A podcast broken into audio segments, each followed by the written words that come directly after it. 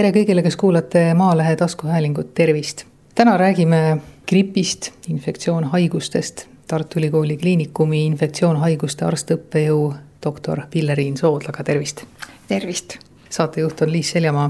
Need haigused on sellised, mis ilmselt ei kao mitte kunagi ära, nad on tulnud aeg-ajalt nii-öelda, inimesed on nendega rohkem kimpus, siis läheb laine mööda ja mõne aja pärast nad tulevad jälle tagasi. et see on selline noh, kuidas öelda, viirushaiguste loomulik selline elu täpselt nii, viirushaigused, kaasa arvatud gripp, kaasa arvatud Covid, RS-viirus, need on hooajalised viirused, mis tähendab, et nende kulg ja nende esinemine ongi meil lainetena et enamasti talvekuudel on ta rohkem nii, nagu põhjapoolkeral on.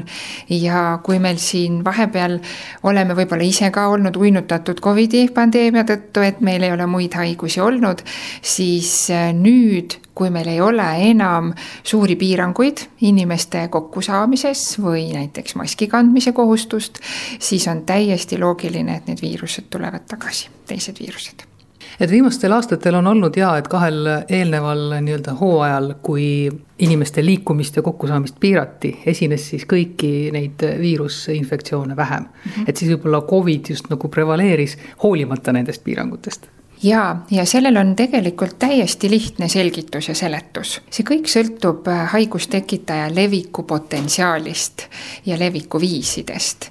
et me teame, et praegu omikron variandil Covidi puhul on väga kerge levimine, et, et see viirus on võimeline lihtsalt ja ulatuslikult levima, aga teised viirushaigused, gripp, on märksa raskemini levivad ja märksa raskemini on äh, inimeste nakatamine võimalik võimalik, kui meil pestakse korralikult käsi või desinfitseeritakse käsi, kantakse maski ja hoitakse inimestest natukene distantsi ja võib-olla piiratakse oma kohtumisi. ja selle tõttu siis on täiesti loogiline, et muud haigused ongi meil ära kadunud, sest nende puhul need meetmed töötavad kohe eriti efektiivselt no nad ei ole selles mõttes kadunud, et nad tulevad jälle tagasi, kui neile võimalus antakse. ja täpselt, lihtsalt nad ei ole levinud, et tegelikult eelmine aasta ju oli ka gripijuhtumeid, aga neid oli vähe. ja, ja see ei tekitanud meile probleemi ja kindlasti te ei kuulnud sellest ajakirjanduse vahendusel sellel aastal on olukord hoopis teine ja tegelikult juba päris tükk aega räägitakse sellest, et levib nii gripp kui ka mitmeid teisi viirusinfektsioone, et mis sellised põhilised on siis? me näeme endiselt Covidit me näeme grippi, praegusel juhul on tegemist A-gripi äh, levikuga või puhanguga. me näeme RS-viirust ja me näeme ka paragrippi. et äh, need on täiesti tavalised tüüpilised viirused ja lisaks on meil veel ka selliseid viirusi, mida me ei saa ja ei suuda testida. kõige sagedasemad on rinoviirused ja ka meie tavalised äh, koroonaviirused, mis põhjustavad sellist talvist nohuköhaga haigestumist. et just nimelt, kuna me oleme olnud võib-olla piltlikult öeldes natukene vati sees.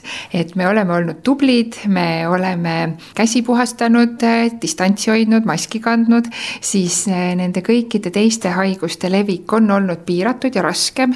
ja me ei olegi harjunud, meie immuunsüsteem ei olegi harjunud nende teiste viirustega ja seetõttu me võime praegu näha, et inimesed nakatuvad rohkem ja võib-olla mõnes mõttes ka põevad seda haigust raskem raskemini või neid haigusi raskemini, sest meie tavapärane igatalvine viiruste hooaeg on ju praktiliselt kolm hooaega vahele jäänud nojaa, aga kui hakata mõtlema, et kui immuunsüsteemile piisab ainult äh, nii-öelda nagu paarist vahele jäänud hooajast, et ta ära unustaks selle, et siis on ikkagi natukene hirmutav ju.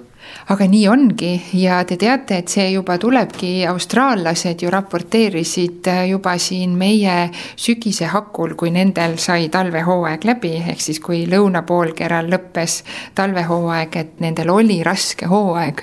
et siis äh, miks meil peaks ta teisiti minema, küsimus ongi selles, et me muidu vajame kogu aeg viirust ja pressi, et meil on olemas immuunsüsteem, mis reageerib kogu aeg viirustele. Ja seetõttu me ei panegi tähele selliseid raskeid haigestumisi. nüüd meil on nagu trenn tegemata nii-öelda, et kui natukene on jõusaalis käimata, siis te teate, et lihas enam nii eh, suur ja punnis ei ole. järelikult ka meie harjumine viirustega ongi teine kui te Austraaliat nimetasite juba, et kas äh, peaks ka arvestama, et äh, kui nende talv läbi saab, et siis me selle järgi saame nii-öelda ennustada, et mis siin põhjapoolkeral äh, võib tulla või mismoodi viirushaiguste nii-öelda hooaeg võib kulgeda? ja täpselt nii ongi, eriti gripi puhul, nagu oli juttu, et need on hooajalised haigused, respiratoorsed viirused ja seetõttu tegelikult ka Maailma Terviseorganisatsioon ju annab põhjapoolkera gripivaktsiini soovituse tingimused, mis peaks selles vaktsiinis sellel aastal olema just nimelt lõunapoolkera hooaja järgi. et missugused gripitüved ringlevad. ja on juba ilusasti ka ära ju näidatud, et rändlindudega eelkõige ju gripp jõuabki meile ja ka inimestega. et see ringlus käibki lõunapoolkeralt põhjapoolkerale, kui ta ekvatoriaalriikides on gripp selline aasta ringi esinev haigus, siis meil põhjapoolkeral ikkagi on ongi talvine periood see, kus see levib ja eelkõige me saame selle lõunapoolkeralt, tõesti kas nii-öelda aastavahetuse paiku ongi ka gripi ja infektsioonhaiguste eh, niisugune kõrghooaeg? üldjuhul me ütleme, et detsember, jaanuar, veebruar, märts ongi eh, kõrghooaeg, jah. praegu oleme siis nii-öelda selle hooaja kõrgusel? jah ja tegelikult äh, mõnevõrra üllatuslikult ju gripihooaeg algas juba novembri lõpus, et need esimesed haigestumised ja ka raskeid haigusi oli. et tavaliselt me näeme seda ikkagi kas detsembri lõpus või ikkagi pigem jaanuaris. sellel aastal juba siis detsembris ongi palju haigestunuid no kui neid äh, viirusi nüüd hakata vaatama selle pilguga, et mida on kõige nii-öelda nagu ebamugavam inimesel taluda, mis need võiks olla, mis järjekorras see oleks? Väga raske on teil öelda, missuguses järjekorras see oleks, mida on raske taluda, no me teame seda, et äh, rinoviirused ja adenoviirused põhjustavad harva väga rasket haigestumist, ehk siis näiteks viiruse kopsupõletikku või selle tüsistusena tekkivat bakteritest kopsupõletikku, aga me teame, et seda põhjustab gripp ja põhjustab ka Covid rasket haigestumist. nii et võib-olla kui ma pean panema nad kindlasti sellise raskuse järjekorda, et siis äh, kõige raskemad haigused ongi gripp ja Covid. Teised nakkavad hästi ja põhjustavad haigestumist, aga siin ongi küsimus, et kas haigestumine on raske või ta lihtsalt on ebameeldiv, et ma arvan, et kellelegi ei meeldi olla palavikus kurguvaluga ja piinava köhaga haige, aga küsimus ongi, et kui tõsiseks see haigus võib minna ja kes vajab haiglaravi kas haiglaravi vajajate arv on ka sellel hooajal suurem, kui ta ütleme siis Covidi eelselt näiteks oli?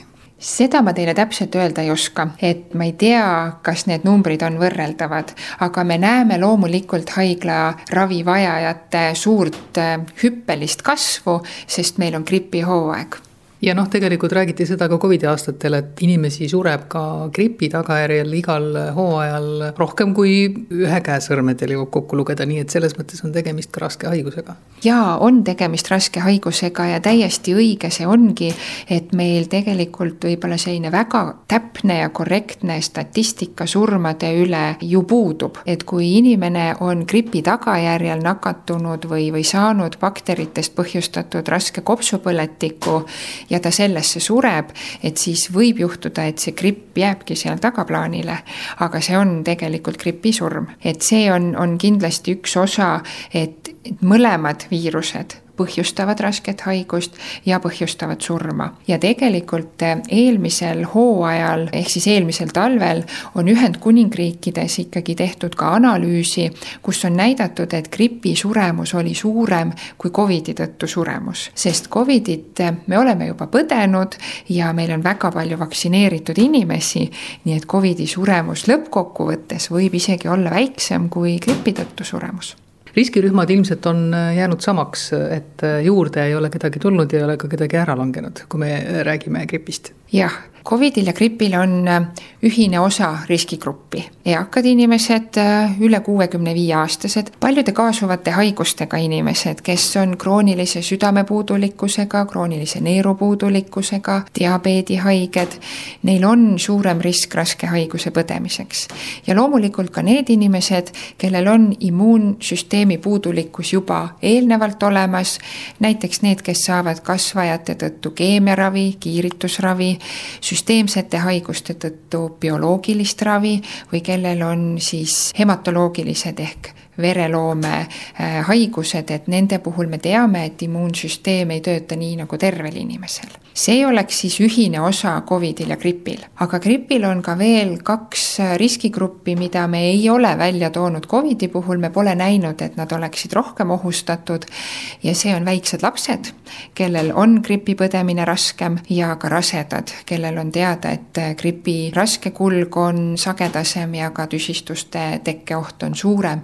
Et siis siin on ikkagi natukene erinevust, üldjoontes põhiriskigrupp on tõesti sama kas raseduse puhul on riskirühmas siis emad või ka need lapsed, keda nad ootavad? jaa, pigem ikkagi naised, kellel lihtsalt äh, kõrge palavikuga haigus ja gripp võib kulgeda raskemini, gripi kopsupõletiku tekke tõenäosus on suurem. ei saa öelda, et ainult naised on ohustatud, sellepärast et kõrge palavik ja raske haigus võib esile kutsuda enneaegse sünnituse, et siis see võib potentsiaalselt olla ka oht äh, sündivale beebile, aga viirus ise tõesti nüüd loodet ründama ei lähe mõtlesin väikelaste puhul seda ka, et äh, need, kes on nüüd viimase kahe aasta sees sündinud, et äh, nemad võib-olla ei ole üldsegi ka puutunud kokku kunagi oma elus näiteks äh, gripiviirusega, eks, et nende jaoks on see nüüd nagu täiesti uus asi. täpselt nii ja sellepärast ka nüüd see Austraaliast tulev info seda rõhutas, et nii-öelda need Covidi beebid, kes tõesti ongi olnud kahe aasta jooksul praktiliselt ilma igasuguste respiratoorsete viirusteta ja kaasa arvatud nad ei ole näinud kunagi gripiviirusi, et siis nende nendele võibki see põdemine raske olla tõesti eelkõige tuleks mõelda siis, kuidas haigestumist ennetada. see on ju alati kõige parem, et äh, mina infektsioonhaiguste arstina loomulikult tahaks kõiki infektsioone pigem ennetada, kui tegeleda kas siis nende äh, ravimise või, või tagajärgedega, jah aga kui on ikkagi vaja mingit immuunsust tekitada, kuidas seda siis niimoodi teha, et ei oleks äh, rasket haigestumist, aga samas saaks tuttavaks ka viirusega? jaa, et see oleks ju kõige ideaalsem, et teeme natukene harjutamist ja trenni enne, et siis on, on võistlusel kergem. ja tegelikult see on tänasel päeval ju võimalik. et me saame immuunsüsteemi õpetada haigusi ära tundma ja selle vastu võitlema ilma päriselt haigust põdemata ja see on vaktsineerimine aga kui inimene ei taha vaktsineerida, tõesti, tal on mingisugused tema enda jaoks täiesti loogilised põhjendused. sellisel juhul ei maksaks ka minna siis otsima päris seda haigust, et noh, nagu oma immuunsüsteemi kuidagi nagu õpetada ja loomulikult, et seda ei saa küll soovitada kellelegi, sest me ju päris lõpuni ei tea kunagi, kuidas kellelgi haigused kulgevad. et sellist viiruste jagamise pidusid kindlasti mina ei poolda.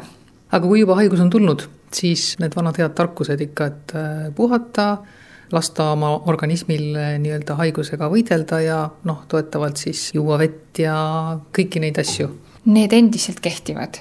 kõrge palavikuga haiguse korral tõepoolest ei ole mõtet organismi üleliia koormata veel lisaks. haige inimene peab olema kodus. see tähendab sümptomaatiline inimene, kellel on haiguse tunnused, eh, siis kui me räägime hingamisteede viirusinfektsioonist, et eh, nohu, köha, kurguvalu, hääl on ära, sellised inimesed võiksid olla kodus, üks asi, et anda organismile võimalust siis haigusega hakkama saada, võidelda ja teine asi, et siis ka mitte seda haigust levitada. vedeliku tarbimine on oluline, et ei tekiks vedelikupuudust, sest see omakorda halvendab enesetunnet ja seda haiguse eh, võib-olla talumist. kõrge palavik, mis on üle kolmekümne kaheksa kraadi, et ka seda võib palaviku alandajatega alla võtta. erinevad köhateed ja, ja kurguvalu leevendajad, et need on ju noh, alati olemas olnud, need ei ravi haigust välja need ei ole viirusevastased, aga nad võivad leevendada sümptomeid. ja millal on aeg kahtlustada, et asi on nagu kurjaks läinud, et kas on mingi teatud aeg, kui näiteks ei ole sümptomid leevenenud või noh, kui enesetunne ikka halvaks läheb, siis loomulikult pöörduda arsti poole?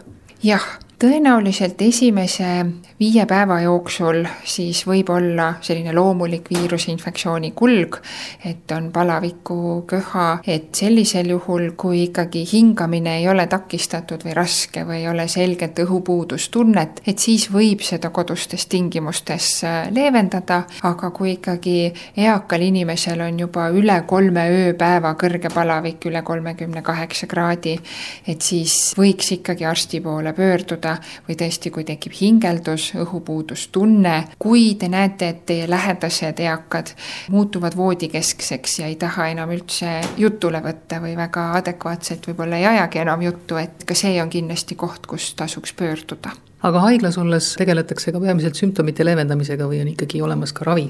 Me tegeleme sümptomite leevendamisega ja meil on olemas ka ravi. kõige olulisem ravi eh, gripi puhul ja ka Covidi puhul on hapnikravi.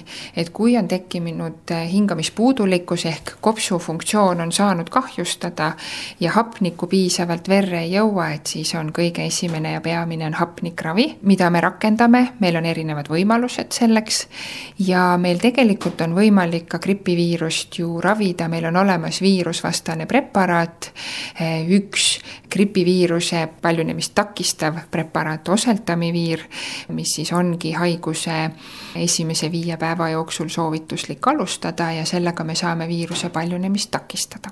Aga see on selline, mida siis tõesti vajaduspõhiselt, eks, et kui inimene lihtsalt on haigestunud grippi, et siis ei ole tingimata vaja seda ravi kohe see tõenäoliselt sõltub kõige rohkem ka riskigrupist, et kui patsient on riskigrupis ja tema gripi kulg võib olla tüsilik, et siis äh, seda ravi alustatakse. üldjuhul me alustame ravi kõikidel nendel patsientidel, kes gripi tõttu vajavad haiglaravi et nende gripp on nii raske, et nad juba vajavad haiglasse vastuvõtmist, siis me alustame viirusvastast ravi. ja tegelikult ka perearstid saavad alustada gripivastast ravi ja see on eelkõige soovituslik nendele, kes on gripi riskigrupis no tänu Covidile ilmselt on inimeste endi kodune nii-öelda apteek või äh, ravivõimaluste hulk nagu paranenud, ka igasuguseid selliseid hingamist soodustavaid seadeldisi ju endale hangiti. Ja lisaks äh, üks asi, mille võib-olla ka päris paljud inimesed soetasid, oli see väike jubin, millega saab verehapniku sisaldust määrata, et ütleme, et inimestel on nagu koju tulnud juurde asju, millega nad saavad ise ka noh, nii-öelda nagu hinnata oma tervislikku seisundit jaa, nii on, et pulssoksümeeter on see väike asi, mis käib äh, näpuotsa. pulssoksümeeter mõõdabki hapniku sisaldust veres. tervel inimesel peaks see olema kuskil üheksakümne kuuest protsendist kõrgemal ja kui nüüd tõesti inimestel on need aparaadid kodus olemas, et siis millal pöörduda, kui Covidi või gripihaigel on ikkagi see hapniku sisalduse protsent veres alla üheksakümne kolme, et siis tasuks ikkagi äh, objektiivselt objektiivselt hinnata, et kas need patsiendid vajaksid haiglaravi. nii gripi kui Covidi puhul on see sarnane ja seal ei ole niimoodi, et ma veel ootan ja mõtlen ja mõõdan veel terve päeva, eks ole, et siis otsustama peab ikkagi kiiremini vist loomulikult ühekordne mõõtmine ei anna ka ja, ja need väiksed aparaadid, et te võite ka, kellel on, võite proovida, et kui te näiteks kükke teete samal ajal või hoiate kätt üle pea või, või rapsite selle käega, et siis need numbrid kindlasti on erinevad. aga see peaks olema ikkagi rahuolekus, soovitavalt istudes või pikutades ja, ja mitte rääkides ja, ja koormust saades, et, et selline rahuoleku mõõtmine ja kui ta ikkagi paar mõõtmist on alla normi ja näiteks ka sellega kaasneb ka hingeldus, et siis võib-olla need oleksid küll kaks sellist ohumärki. ja kui ei ole seda aparaati, siis ju patsiendid ka tunnetavad seda, et on raske hingata, et ei saa näiteks pikka lauset öelda, on vaja vahele hingata. või näiteks ka üks väga hea eh, indikaator või marker on see, kui tualetis käimine on väga suur pingutus või kui on eh, kahekorruselises majas väga keeruline üleskorrusele magamistuppa minna ja see vajab pärast tükk aega puhkamist, et siis need on ka kindlasti ohumärgid. Üks asi, mille Covid tõi meile kodudesse, on ka kiirtestid, et saad teada kodus, kas võib välja minna kohtuma inimestega või mitte, et kas gripi puhul võiks ka sellist asja rakendada, kas oleks ka mõistlik ja tasuks seda teha.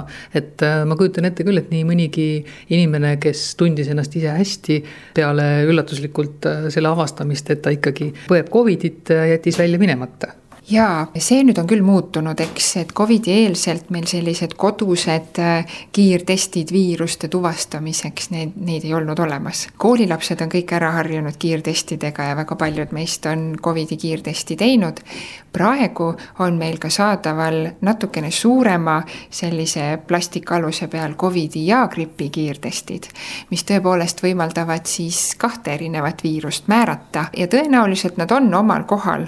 aga mis on oluline, esimesel haiguse päeval ehk siis haiguse alguses ei pruugi üldse veel kiirtestid olla positiivsed, sest viiruse hulk on niivõrd väike, et ta ei anna veel signaali sinna testi. et võib-olla sõnum võiks olla, et negatiivne testi tulemus ei välista haigust, aga positiivne tulemus üsna sageli kinnitab seda diagnoosi. nii et ma enne rõhutasin, et sümptomitega haige inimene võiks olla kodus ja tegelikult ta võiks seda olla olenemata testi tulemusest, et kui ei ole Covidiga tegemist, võib olla gripiga, aga kui pole kummagagi tegemist, siis võib olla mõni muu viirus, haigus, mida me ju samamoodi tegelikult ei tohiks jagada teistele see on vist ka muutunud nüüd viimastel aastatel, et inimesed mõtlevad selle peale rohkem. on ju ka inimesi, kes ennast ei testi ja ei taha ka sellest poolest midagi teada, aga et see niisugune enese tervisliku seisundi hindamine, enne kui ma lähen välja kohtuma teiste inimestega, et see on minu meelest küll nii-öelda nagu rohkem kalkuleeritud nüüd. ja see on väga tore, et ta on rohkem kalkuleeritud, et see on ju täitsa tervitatav, et äh, me käitume vastutustundlikult oma lähedaste osas.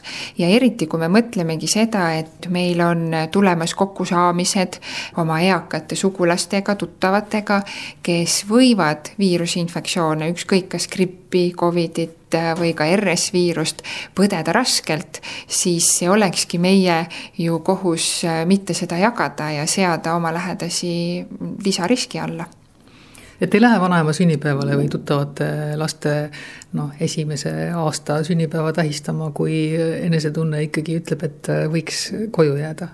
Täpselt nii, see on meie eriala soovitus olnud äh, juba päris ammu. Äh, ja nüüd on võib-olla tõesti selle äh, teadlikkus suurenenud või, või sellele mõtlemine suurenenud.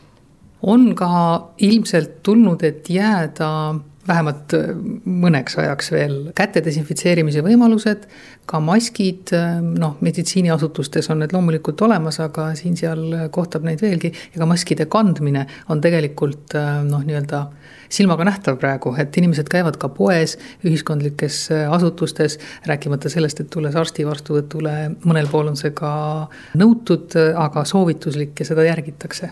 jaa, et see, et meil ei ole riiklikku maski kandmise kohustust, see ju ei tähenda, et me ei või seda teha. ja maski kandmisel on äh, kaks eesmärki. Kõige suurem eesmärk tegelikult meie maski kandmisel, et kui mina indiviidina panen endale maski ette, on see, et ma kaitsen oma kontakte. et mina ei levita viirust kellelegi.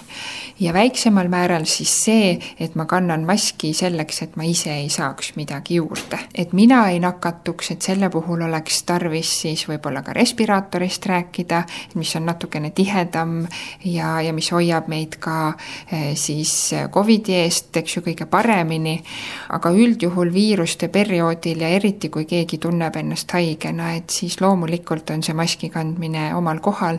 ja, ja kui me vaatame, siis tegelikult Aasia maades on see ju olnud aastakümneid traditsiooniks, et avalikus ruumis me pigem kaitseme teisi ja me ei nakata kedagi. et meile on see nüüd Covidiga jõudnud ja väga tore, kui ta ka jääks selliseks kas pikemas perspektiivis võib see mingisugust mõju avaldada ka sellele, kuidas me üldse neid viirus, hooajalisi viirushaigusi põeme, et äh, võib-olla see haigestumiste arv üldse väheneb või, või toimub sealjuures mingi liikumine? Mulle tundub, et see on rohkem soovmõtlemine, et selleks, et see päriselt efekti avaldaks, see peaks olema märksa laiaulatuslikum ja palju ühtsem ja, ja tõenäoliselt siiski meil ju kodukontaktid ei saa kunagi olema maskides. et pered, kus on lapsed ja täiskasvanud noorukid ja eakad, et, et tõenäoliselt haiguste levik jätkub nii või naa, aga kindlasti näiteks nende hooaegade piike või haigestumise tippe meil oleks võimalik natukene madalamaks tuua, et, et kui ma väga optimist olen, siis ma võiks öelda, et jah, me võiks seda saavutada. aga, aga nähes praegu ikkagi, kui keeruline see meil on ja kui, kui vähesed inimesed seda kasutavad, siis ma arvan, et personaalne kasu on siin suurem kui meie ühiskondlik kasu. no igal juhul on selge see, et äh, isolatsioonis elamist ei soovi keegi, see ei ole ka võimalik ja noh, arvestades seda, et äh, siis äh, jäävad ka need vajalikud kontaktid ära, ei ole see ka võib-olla kõige mõistlikum. Täpselt nii, kui meil on äh, täiesti uue haiguse pandeemia algus, kus meil on väga vähe infot, kuidas haigus levib, kelle seas ta levib, kes on kõige rohkem ohustatud, me ei tea veel midagi ravist, meil ei ole vaktsineerimisvõimalusi, siis loomulikult on targem eksida ohutumas suunas ja tegutseda veidikene rohkem ja võib-olla piirata inimesi rohkem.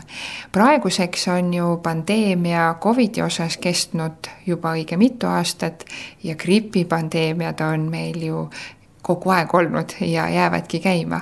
et tõepoolest praegusel hetkel, vaadates meie inimeste Covidi vastaste antikehade olemasolu ja vaktsineerimistaset ja läbipõdemist, et siis see kindlasti ei ole põhjus, miks me peaksime piirama inimesi. küll aga näiteks, kui meil on mõnes asutuses ükskõik, kas see on töökollektiiv või koolid, lasteaiad, kui on väga palju grippi haigestunuid, siis võib-olla mõneks päevaks äh, inimeste eraldamine või ütleme, klassi kinnipanek või, või töökollektiivid näiteks distantstööle suunata mõneks päevaks, see võib endiselt olla omal kohal, sest see on jätkuvalt infektsioonhaiguste puhangu kõige olulisem tõkestamise äh, meede ja pidur on see, et, et me katkestame kontaktid, siis ei saa ka haigustekitaja levida.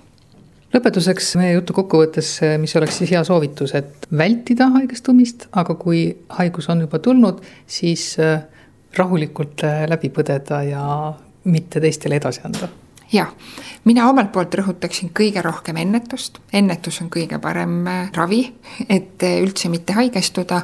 kui on juba haigestutud, siis on oluline mõelda enda tervisele ja meie äh, kontaktsete ja meie kaaslaste tervisele, ehk mitte haigust levitada, tagada piisav vedelik, kui vaja, siis erinevaid sümptomeid leevendada ja tegelikult teada, millal tuleb arsti juurde pöörduda, kui need haiguse sümptomid sümptomid kas kestavad juba pikemalt või on nad tõesti nii rasked, et kodus üksi hakkama saamine ei ole võimalik? Aitäh, doktor Pillelin Soodla, soovin siis tarku patsiente, kes oskavad äh, nii ennetada kui ka ravida. olge terved kõik